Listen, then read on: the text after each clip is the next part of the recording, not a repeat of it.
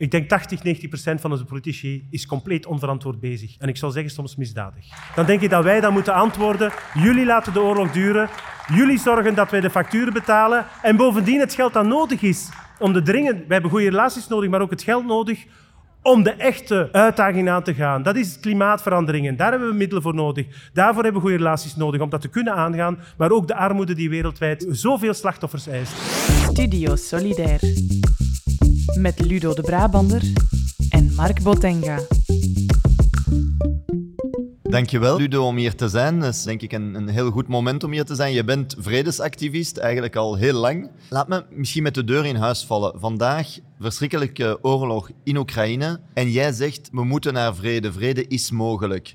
Is dat niet wat naïef? Kun je met Poetin bijvoorbeeld aan tafel gaan zitten? Wel, dat is natuurlijk hetgeen dat wij altijd uh, op ons bord gesmeten krijgen. Jullie zijn naïef door te pleiten voor onderhandelingen, voor een politieke oplossing. Er is natuurlijk een hele voorgeschiedenis. Je kunt daar straks op terugkomen. Hè. Waarom is Poetin zo ver geraakt? Wat is de houding van de NAVO daarin geweest? En hoe is actie-reactie, laten we zeggen, geëscaleerd in een brutale oorlog? En misschien eerst zeggen, wat Rusland doet, is natuurlijk nog moreel, nog legaal aanvaardbaar. Dat is een oorlog die we moeten veroordelen. Dit is echt een politiek die we niet kunnen aanvaarden, ook als progressief, als links. Het is een nationalistisch conflict waar Rusland zich in gemengd heeft. Maar ik denk, als je kijkt naar de politiek van de Verenigde Staten, ook van Groot-Brittannië vooral, dat zijn een beetje de protagonisten van dat soort politiek. Hun doelstelling hebben ze in maart, april heel duidelijk gemaakt. Wat is de doelstelling van de oorlog in Oekraïne? Dat is niet het vlug beëindigen van de oorlog. Lloyd Austin, de minister van Defensie, heeft heel duidelijk openlijk gezegd de doelstelling van deze oorlog is ervoor te zorgen om Rusland te verzwakken. Als we dat nemen als uitgangspunt, dat is natuurlijk een heel ander uitgangspunt dan wat de vredesbeweging wil. Wat eigenlijk de Oekraïners zouden moeten ja, vragen, namelijk een vlug einde aan de oorlog. Vandaar dat heel de bewapening die nu wordt gedaan niet in functie staat van een of andere verdedigingsoorlog tegen de Russische invasie, maar echt erop gericht is om het Russische leger te verslaan. Het nadeel van dat scenario is natuurlijk dat dit waarschijnlijk een, en dat is naïef, te denken dat je zo een overwinning kan halen. Dit zal een lange uitputtingsslag worden. Laat ons niet vergeten dat de oorlog niet begonnen is met de Russische invasie in februari, maar al begonnen is in 2014. Dat is iets dat jij wel vaker zegt. Hoe bedoel je, de oorlog begon in 2014? Uh, in 2014, na de machtswissel, en afhankelijk van het narratief was het een staatsgreep in Euromaidan hè, in februari 2014. Er was een machtswissel door een opstand, meteen een internationaal gegeven, want het ging onder meer over gaat Oekraïne meer samenwerken met de Europese Unie via een associatieakkoord of kiezen voor een douane-unie met Rusland en een aantal andere landen. En daar is een machtswissel gekomen. De veronderstelde pro-Russische president Yanukovych werd van de macht verdreven. Maar er is een nieuwe regering aan de macht gekomen toen. Een overgangsregering, Yatsenchuk, met toch wel extreemrechtse elementen. En vandaar het narratief dat vandaag in Moskou. Hè, we strijden tegen neonazis en er was een partij, Svoboda, die hadden onder meer vier ministers in die regering. En dat was een neonazistische partij. Hè. Maar een van de handelingen was bijvoorbeeld het afschaffen van de taalrechten van de Russische minderheid. Dat was de intentie. En dit heeft natuurlijk, en ook het feit dat men een president weggestemd heeft die vooral aanhang had in het oosten, in de Donbassregio, in Lugansk, in Donetsk. En dat heeft natuurlijk, laten we zeggen, een opstand hè, uh, gecreëerd in de Donbassregio. De Donbassregio, dat is de regio Dat is eigenlijk... helemaal in het oosten, ja. zuidoosten van het land, uh, meer naar het oosten, waar de belangrijkste, allez, een heel belangrijke Russische minderheid woont. Dat heeft natuurlijk actie-reactie met tamelijk veel geweld uh, tegenin gegaan. Er is met geweld op gereageerd en zo is het een oorlog geworden. En daar zijn dus, laten we niet vergeten, voor aan de vooravond van de invasie van Rusland waren er 14.000 doden in dat conflict.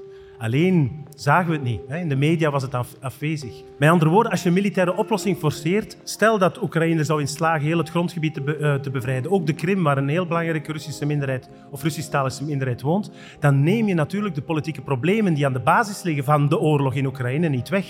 Dus dan leg je iets op en dan krijg je waarschijnlijk nieuwe problemen. En je krijgt zo een voortdurende escalatie, maar zeker geen duurzame vrede.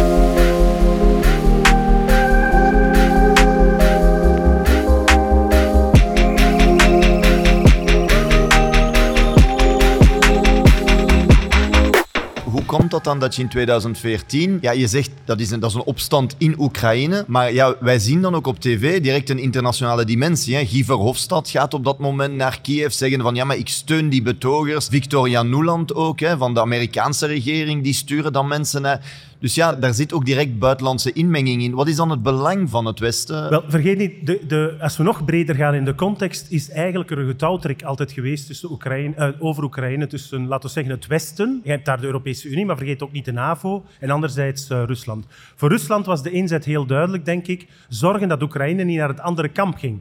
Vandaar dat ze heel erg benadrukten vorig jaar, aan de vooravond, de maanden ervoor de oorlog uitbrak, dat Oekraïne neutraal statuut moet hebben en dus zeker geen lid mag worden van de NAVO. Waarom zeggen ze dat? Omdat in 2008 toen nog op de NAVO-top in Boekarest, toen nog tegen de wil in van Frankrijk. Je kan dat zien, eh, de cover van Le Monde staat er heel duidelijk. Premier Fillon die zegt, wij zijn niet voor een toetreding van Oekraïne of kandidaat lidmaatschap van Oekraïne tot de NAVO. Waarom? Omdat dit problemen zal opleveren met Rusland. Dat dit uh, niet tegemoet komt aan de veiligheids... Maar dat was een Amerikaans project. Hè. Bush was dat toen nog. Dat was natuurlijk een beetje op de tenen trappen van de Russen die schrik hadden dat heel dat land naar het westen zou gaan. Waarom?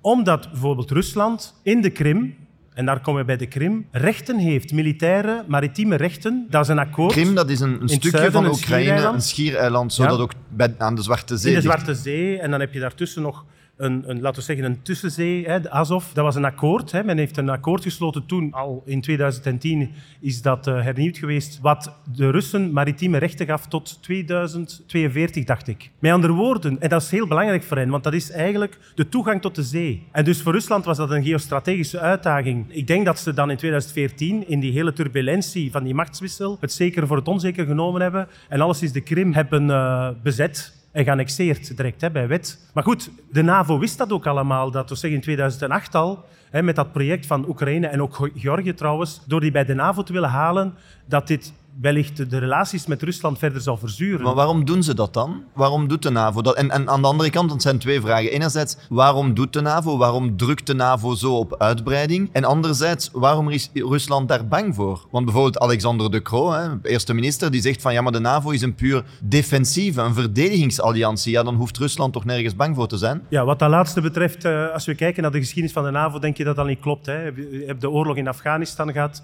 je hebt de oorlog in, in Libië hè, met de no-fly zone in 2011 en het bombarderen hè, en, en, het eigenlijk ja, uiteindelijk gaan naar een regimeverandering in Libië, wat niet conform het mandaat was toen van de Verenigde Naties. Dus je kan moeilijk zeggen, ook uh, hun aanwezigheid in Irak, dat wat de NAVO betreft dat het een louter defensieve organisatie is. Integendeel, ze zijn eigenlijk na de Koude Oorlog, vergeet niet, was er nog een Warschau-pact, de tegenhanger, de tegenhanger van het communistische oosten van Europa, met de Sovjet-Unie natuurlijk als centraal gegeven daar, dat is weggevallen. En het was altijd de NAVO's legitimatie voor zijn bestaan dat er een vijand is, namelijk de communistische dreiging vanuit het oosten. Het Warschau-pact is na het uiteenvallen van de Sovjet-Unie enzovoort verdwenen en de NAVO heeft zich voortdurend moeten heruitvinden. En eigenlijk wat er gebeurd is, is eigenlijk een voortdurende mondialisering van de NAVO. En dat ging langs drie assen. Eén was het uitbreiden van de NAVO richting Oost-Europa, vergeet dat niet. Ondanks, er is heel veel literatuur al over verschenen. En ook dat heeft... Uh, zowel Gorbachev, Yeltsin en ook uh, ja, Poetin nadien was heel duidelijk dat ze daar niet mee eens waren, namelijk die uitbreiding naar Oost-Europa, de, het toetreden van landen als Polen enzovoort bij voormalige Warschau-pact-landen bij de NAVO, dat lag heel gevoelig. Maar de NAVO deed ook militaire interventies. Ze werd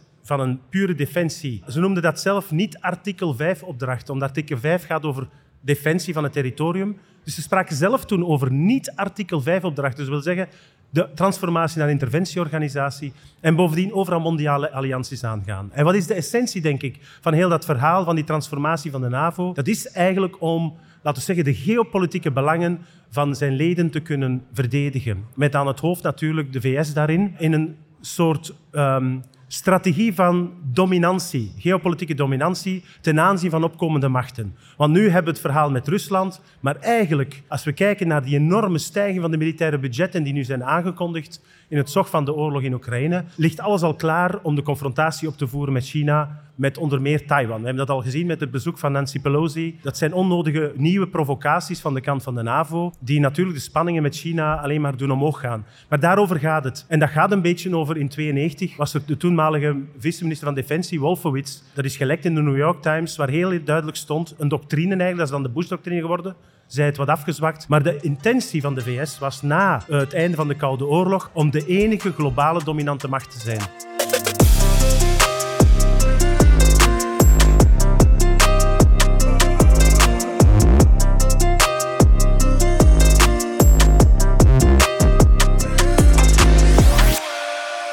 Dat, dat zie je van de, van de Verenigde Staten. Dan inderdaad het idee van we kunnen Rusland verzwakken. En natuurlijk de inval van Rusland in Oekraïne is dan een kans bijna als je het cynisch bekijkt voor hen. Om te zeggen van we, trekken hen mee. Waarom speelt Europa? Want Europa neemt ook geen initiatieven voor diplomatie of vrede. Waarom speelt Europa dan zo mee in die agenda? Waarom, waarom, ontwikkelt het geen eigen agenda bijvoorbeeld? Dat is ook voor mij een vraag. Hè? Waarom speelt Europa die agenda mee? Omdat je merkt toch regelmatig op cruciale momenten. Ik heb je daarnet het voorbeeld gegeven van uh, Boekarest, de top in Boekarest, waar dus het kandidaat lidmaatschap min of meer is gegeven aan Oekraïne en Georgië dat landen als Frankrijk, Duitsland, maar ook België, dat was toen Yves Le uh, nog een aantal andere landen, toch wel aarzelingen hadden en niet wilden meegaan in die ding. Ik herinner ook aan nu de recente ontwikkelingen dat Duitsland het toch heel moeilijk had met de Amerikaanse politiek. Er is een kleine voorgeschiedenis in de recentere geschiedenis. U weet dat er een, nieuwe pijpleiding werd aangelegd in het noorden, in de Baltische zeeregio, de Nord Stream. Je had daar al een pijpleiding waar het gas langs vloeit vanuit Rusland, vooral met klanten als Duitsland. En men was bezig aan een project Nord Stream 2. En onder het uh, beleid van Trump, hij zag dat absoluut niet zitten. Want hoe beter de relaties zijn, en zeker energierelaties, met een land, de VS, dat zelf zijn energiepolitiek enorm aan het ontwikkelen was en op dit ogenblik, vanaf dit jaar zelf, de belangrijkste gasproducent is wereldwijd en exportmarkten zoekt, dan hebben ze daar geen belang bij. En wat heeft uh, Trump gedaan in 2019? Hij heeft een, uh, een wet laten stemmen, een act, die eigenlijk sancties oplegt aan al de bedrijven die meewerken aan Nord Stream 2. Biden heeft dat bij zijn aantreden, omdat de relaties al serieus verzuurd waren tussen Europa en Trump, uh, heeft dat dan weer ingetrokken. Maar heel duidelijk met de intentie, denk ik, van kijk, wij moeten hier de groeiende betere relaties tussen Rusland en Europa, we moeten dat uh, doorbreken, want dat gaat ten koste van de Amerikaanse positie. En ik vat dat meestal altijd samen met een zin van de allereerste NAVO-secretaris-generaal in de jaren 50, begin jaren 50, Lord Ismay. En daar is het in essentie nog altijd. Antwoordde ooit een keer op een vraag en zei: What is the purpose of NATO? The purpose of NATO, de doel van de NAVO, is to keep the Russians out, the Germans down. Dat was in 52 of 53. En the Americans in. En dus de NAVO is een instrument om de VS een voet aan huis te uh, geven in Europa. En dat is het verbazende. Als je kijkt naar de ontwikkeling in Oekraïne, dat het eigenlijk vooral een discussie werd tussen Moskou en Washington. En dat Duitsland, Frankrijk, Brussel eigenlijk maar op de tweede plan. Pas heel laat zijn zij naar, naar Moskou getrokken. Hè. Herinner u aan die lange tafel, zowel uh, Macron als uh, Schulz.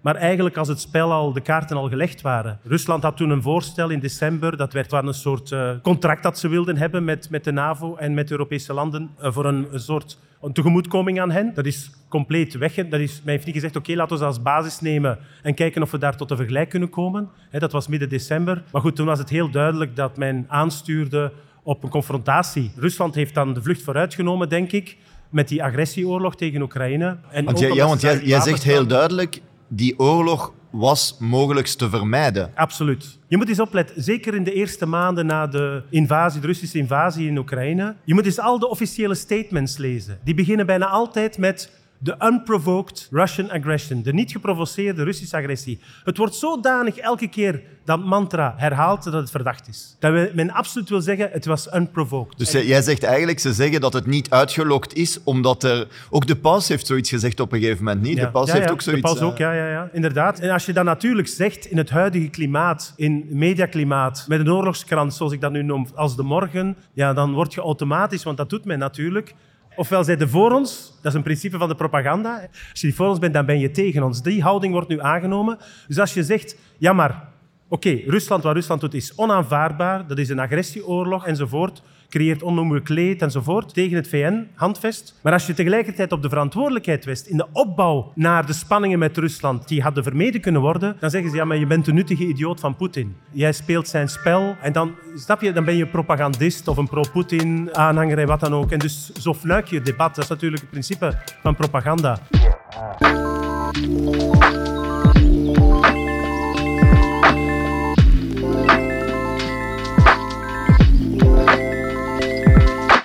Maar ik denk dat het belangrijk is om dat te blijven herhalen. Dat er hier in het Westen, ook met de ontwikkelingen rond Maidan, het getouwtrek over Oekraïne, associatieakkoord douane-Unie. Denk maar aan Barroso, die toen zei als commissaris...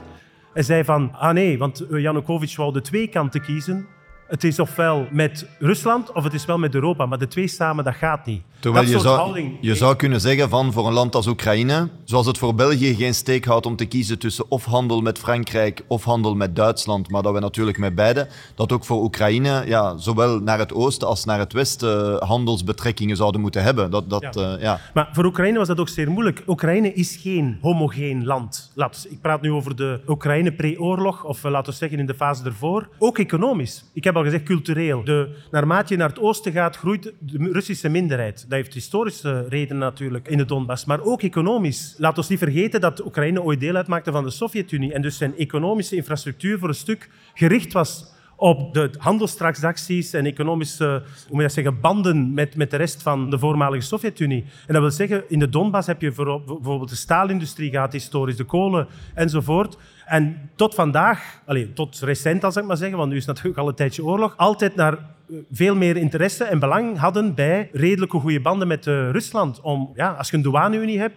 dat je gemakkelijker je goederen kunt transporteren naar het andere land of verkopen. Terwijl het westen van Oekraïne, ook agro-industrie enzovoort, veel meer gericht was op de wereldmarkt en vooral dan ook Europa. Dus je zat met een soort tweedeling in Oekraïne. En laten we zeggen, de grootmachten daarbuiten hebben eigenlijk, laten we zeggen, zoals een touw aan de armen getrokken aan de ene kant en de andere kant van Oekraïne om hen in het kamp te houden. Dat is eigenlijk de inzet geweest, of laten we zeggen, de basis van heel de, het conflict. Het is een conflict met twee lagen. Het is een internationaal getouwtrek dat een proxyoorlog is geworden, maar in zijn origine, vanaf 2014, is het ook een nationalistisch conflict. Dus je hebt een nationalistisch conflict waar meteen ook internationale belangen aan worden voor. Wat, be- wat bedoel je met een nationalistisch conflict? Wel, omdat natuurlijk in de Donbass ook wat toen de centraal gezag deed in Kiev, zoals ik al zei, het afschaffen van taalrechten van Russen, dus het gebruik van hun taal, dat is natuurlijk provoceren. Dan neem je en dan weet je dat zij gaan reageren. En tegelijkertijd in het oosten van Oekraïne heb je ook nationalisten. Dus je hebt aan twee kanten nationalisten die geleidelijk aan op het voorplan zijn gekomen. En natuurlijk, Rusland is van meet af aan, laten we zeggen, die Russische nationalisten in Donbass gaan steunen. Waardoor natuurlijk ook een stuk van die opstand verloren ging, want niet iedereen zag dat dan zitten. En aan de andere kant is het Westen, maar dat is al van voor 2014, al een tijdje bezig met de banden aan te halen met Kiev. Ik heb u gezegd, kandidaat lidmaatschap, maar dat ging ook meteen over gezamenlijke NAVO-manoeuvres vanaf 2009. Rapid Trident heette die manoeuvres, ik kan dat allemaal opzoeken. Dat is allemaal geschiedenisboek, hè, feitelijk. En het beginnen wapens leveren, treinen van het Oekraïns leger. Natuurlijk, je ziet meteen dat een tweedeling begint te ontstaan in Oekraïne, dat men daar voor een stuk internationaal mee naartoe gewerkt heeft, dat het zover gekomen is in Oekraïne. Maar je hebt dan natuurlijk, en, en de NAVO zegt dat ook openlijk, dat zij al minstens sinds 2014 ter plekke zijn en dus gezamenlijke oefeningen doen met het Oekraïnse leger. Je hebt nu ook eh, Amerikaanse troepen of adviseurs die meevechten met de Oekraïners. Maar goed, als de Oekraïnse regering dat vraagt, wat kun je daar dan tegen hebben? Is dat niet zo? Want dat is ook een beetje het verhaal dat ze zeggen, als Oekraïne lid wil worden van de NAVO, ja, hebben ze dan dat recht niet? Men zegt dat dikwijls hier in het Westen. Elk land heeft het recht om die alliantie te zoeken, die samenwerkingsverbanden of wat dan ook op te zoeken, omdat het een land, een land soeverein is. Maar als het gaat over militaire blokken, dan denk ik dat dat anders is. Want een militair blok gaat niet alleen over het betrokken land dat wil of zal toetreden tot dat militair blok, in deze de NAVO. Want het feit dat een militair blok gepercipieerd wordt, en het was duidelijk zo al, tamelijk vlug. Ik denk aan het raketschild in 2007, dat ontplooid werd in Polen. Dus een raketschild tegen de kern. Tegen wie kan dat anders gericht zijn dan tegen Rusland? Rusland heeft daar ook zwaar op gereageerd. Poetin, zijn eerste boze speech ging daar bij wijze van spreken over. Ja, als je dan in die constellatie zit, ja, dan krijg je natuurlijk dat soort confrontatie. Ja.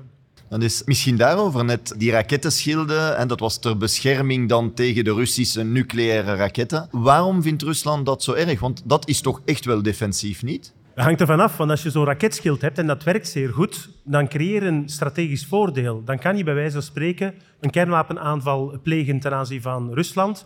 En het pareren ervan, het terugschieten van kernraketten, praat nu van het Russisch perspectief, eh, kan dan voor een deel, of misschien volledig, dat is naïef natuurlijk volledig, met een raketschild worden tegengehouden. Vandaar in de jaren 70 was er een ABM-verdrag trouwens, net omdat beide landen zodanig elkaar nucleair bewapenen, de Sovjet-Unie toen en de Verenigde Staten. Op een gegeven moment waren er 70, 80.000 kernwapens. En men heeft toen een, een verdrag gemaakt om te vermijden dat iemand een strategisch voordeel zou hebben in dat opzicht. En dat ABM-verdrag was een Anti-Ballistic Missile eh, Treaty. Dat wil zeggen, een verdrag dat eigenlijk verbood of beperkingen oplegde in het uitbouwen van zo'n raketschild. En Bush kort na het aantreden, dat is niet onbelangrijk in de perceptie van Poetin dan. George Bush, de George Bush, uh, de president uh, junior. Ja? Ja, ja, ja. In 2002, wat deed hij? Het eerste, een van zijn eerste handelingen, kort na het aantreden van Poetin als president in 2002, eigenlijk kondigde dat al aan in 2001, was het opzeggen van dat ABM-verdrag. Ja, als je dat opzegt, dan, dan zeg je, maar wat zijn jullie van plan? Waarom zeg je dat op? En kort daarna wordt er gewerkt aan een raketschild en in 2007 wordt effectief in Polen en dan in Tsjechië, maar de Tsjechen waren tegen, het is daar Roemenië geworden. Trouwens, het heeft nu natuurlijk uitlopers langs alle kanten, een raketschild gebouwd in het oosten van Europa. En de NAVO zegt dan, ja, maar dat is niet tegen u gericht hoor, dat is voor schurkenstaten zoals Iran enzovoort. Maar ja, Iran heeft geen capaciteiten om een raketaanval van die aard op Europa te plegen. Dus voor de Russen was dat heel duidelijk zeer verdacht. En zegt Moskou, ja, maar dit is tegen ons gericht. En ik wil maar zeggen, dat soort handelingen, dan uitzicht op lidmaatschap van uh, Oekraïne tot de NAVO, ja, dit zijn allemaal zaken die in Moskou steeds agressiever werden beantwoord in de discours. Zeg het, de eerste boze speech was al in 2007. En geleidelijk aan kreeg je een soort opbod hè, tussen beide kanten die gemaakt heeft dat, uh, dat het tot compleet verzuurde relaties is gekomen. En dat bedoel ik, hadden we dat soort handelingen niet gedaan, hadden we gewerkt in de afgelopen decennia na de Koude Oorlog betere relaties met Rusland, dan hadden we misschien deze situatie in Oekraïne niet. En dan hadden we misschien ook niet zo een soort leiderschap in Moskou. Vergeet niet dat Kennan, George Kennan, dat was de architect van de Koude Oorlog. Als hij al heel, oud was, bij de eerste uitbreiding van de NAVO met Polen, Tsjechië en Hongarije. Dat was in 1997 en 1999 zijn ze effectief toegetreden. Heeft een, een opiniestuk geschreven in de New York Times en gezegd: dit is de grootste fout die de Verenigde Staten konden maken, want dit zal de relaties met Rusland zwaar verzuren. Dit zal leiden tot een nieuwe Koude Oorlog, ik citeer hem bijna letterlijk. En dit zal de anti-westerse, militaristische en autoritaire, die drie woorden gebruikt hij, trend in Rusland versterken. En zijn woorden waren profetisch in het licht van vandaag. Kijk wie dat Poetin vandaag is. Autoritair leiderschap, nationalist tot en met.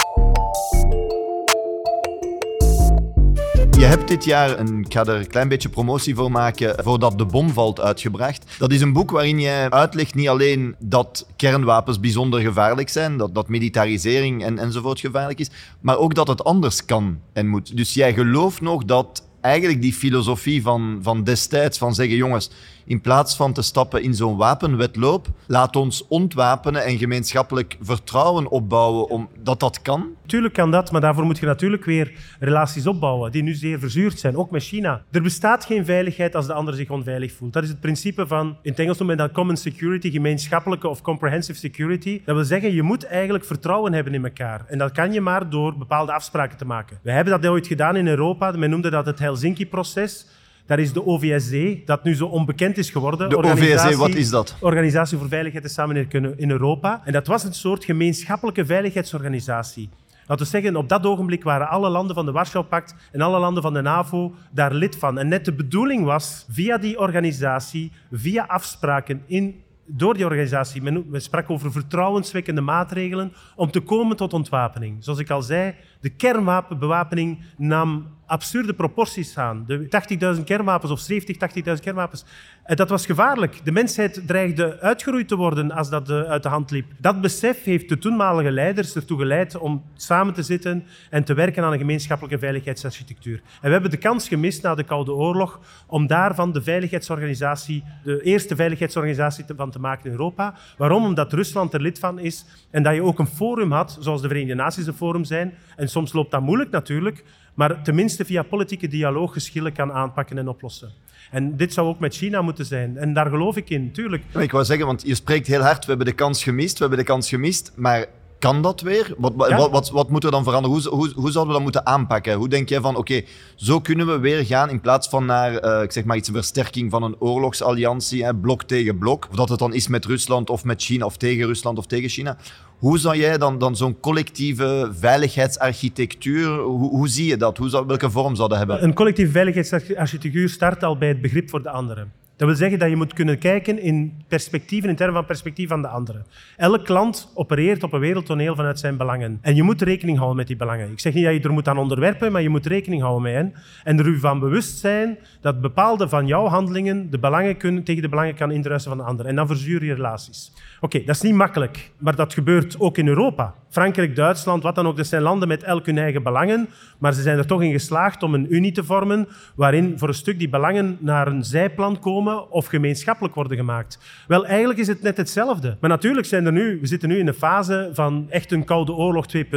De vorige Koude Oorlog is ook geëindigd. Misschien niet zoals via een planmatige aanpak, maar daarvoor moet je natuurlijk nu eerst heel dringend een oplossing. En daar pleit ik voor die onderhandelingen. We zeggen altijd, met Poetin kun je niet onderhandelen. Ja, maar met Poetin oorlog voeren is toch veel gevaarlijker, want hij heeft kernwapens. Dus ik denk, probeer het eerst eens hè, om te onderhandelen met Poetin. Bel hem en vraag, wat heb je nodig om deze oorlog te doen stoppen? En er waren, eind maart, was er een soort preliminair akkoord tussen Kiev en Moskou dat getorpedeerd is doordat er oorlogsmisdaden waren een week daarna ontdekt in Busha. Maar ook omdat Boris Johnson naar Kiev trok, een tien dagen na de bijeenkomst in Istanbul, waar de onderhandelingen plaatsvonden. Dat was een akkoord, een preliminair akkoord van 29 maart. Om te zeggen, ik ben tegen onderhandelingen. Stop die onderhandelingen, we gaan dat niet steunen. En je kan dat vinden, hè, want hij heeft dat herhaald op 9 mei. En die tekst is een officiële tekst die op de website staat van Buitenlandse Zaken, denk ik, in Groot-Brittannië.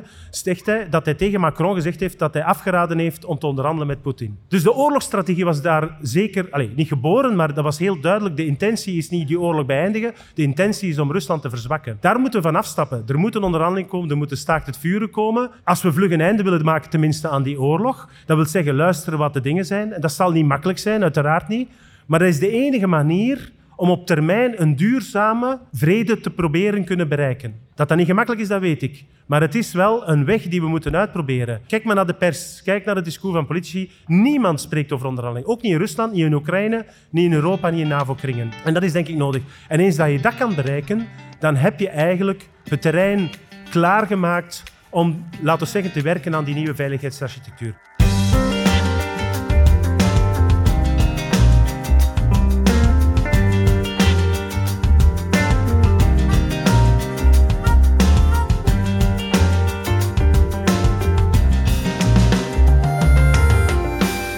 Maar toch vandaag, wat jij zegt, wordt vaak inderdaad, je hebt het zelf eh, een beetje vermeld, in de pers en, en door traditionele politici, laat maar zeggen, afgedaan. Niet alleen als naïef, maar ook als, ja, maar eigenlijk uh, verdedigen jullie Poetin, uh, eigenlijk enzovoort. Je hebt dit, dit boek Oorlog scoort, geschreven met uh, Christophe Kallewaard onder meer. Maar daarin ga jij net ook in op die kwestie van, ja, maar mogen we nog een alternatieve oplossing op tafel leggen? Of wordt inderdaad de vredesbeweging zo hard gedemoniseerd? Is er, is er die plaats nog ja, voor dat dat is debat? een demonisering, denk ik, heel duidelijk, hè, van de vredesbeweging of van de stem die daarvoor pleit. Kijk, wij moeten beseffen, en misschien is dat onze taak, ik weet het niet goed, maar je moet natuurlijk ook via de media soms bij mensen geraken. Wij moeten goed beseffen, hoe langer deze oorlog duurt, dat is een uitputtingsoorlog, hoe langer zal het lijden duren in Oekraïne? Maar niet alleen daar.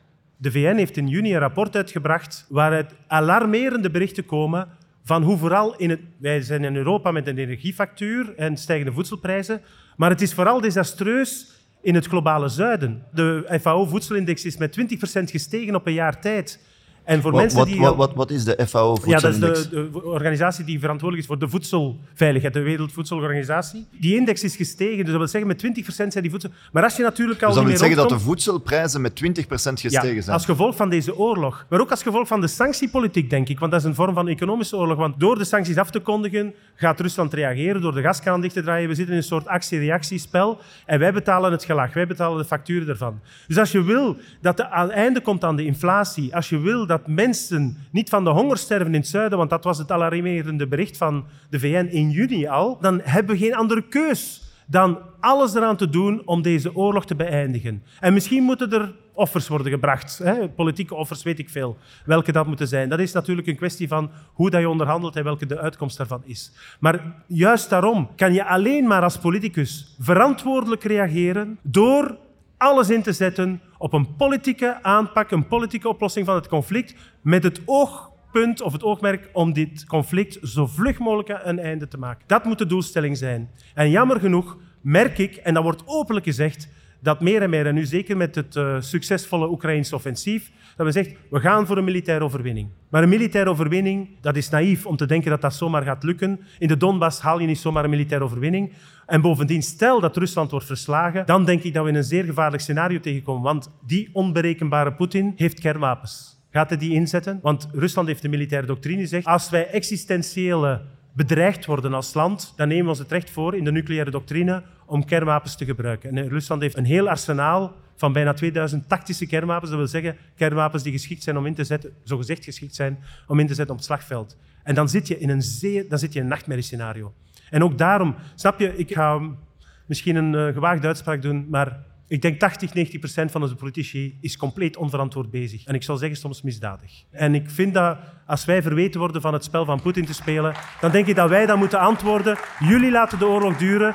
Jullie zorgen dat wij de facturen betalen. En bovendien het geld dat nodig is om de dringend... Wij hebben goede relaties nodig, maar ook het geld nodig om de echte uitdaging aan te gaan. Dat is klimaatveranderingen. Daar hebben we middelen voor nodig. Daarvoor hebben we goede relaties nodig om dat te kunnen aangaan. Maar ook de armoede die wereldwijd zoveel slachtoffers eist. En dat is onze taak, als om te reageren. Dat is mijn antwoord op zij die verwijten dat wij aan pro-Putin houding of zo aannemen. Nee, wij nemen een houding aan die eigenlijk gaat over wij willen dat de welvaart en het welzijn van de mensen wereldwijd, dat is onze taak, dat is onze inzet, wij willen dat beschermen. Ik denk dat die link tussen sociale rechten en vrede, en dat dat destijds brood en vrede was, was ook een slogan, een historische slogan ook van de vredesbeweging. Ik denk dat dat heel centraal staat en dat je dat heel mooi verwoord hebt, Ludo. Ik wil je bedanken voor dit gesprek, ik vond het bijzonder boeiend. Dank je wel. Dank u, dank je maar. Studio Solidair.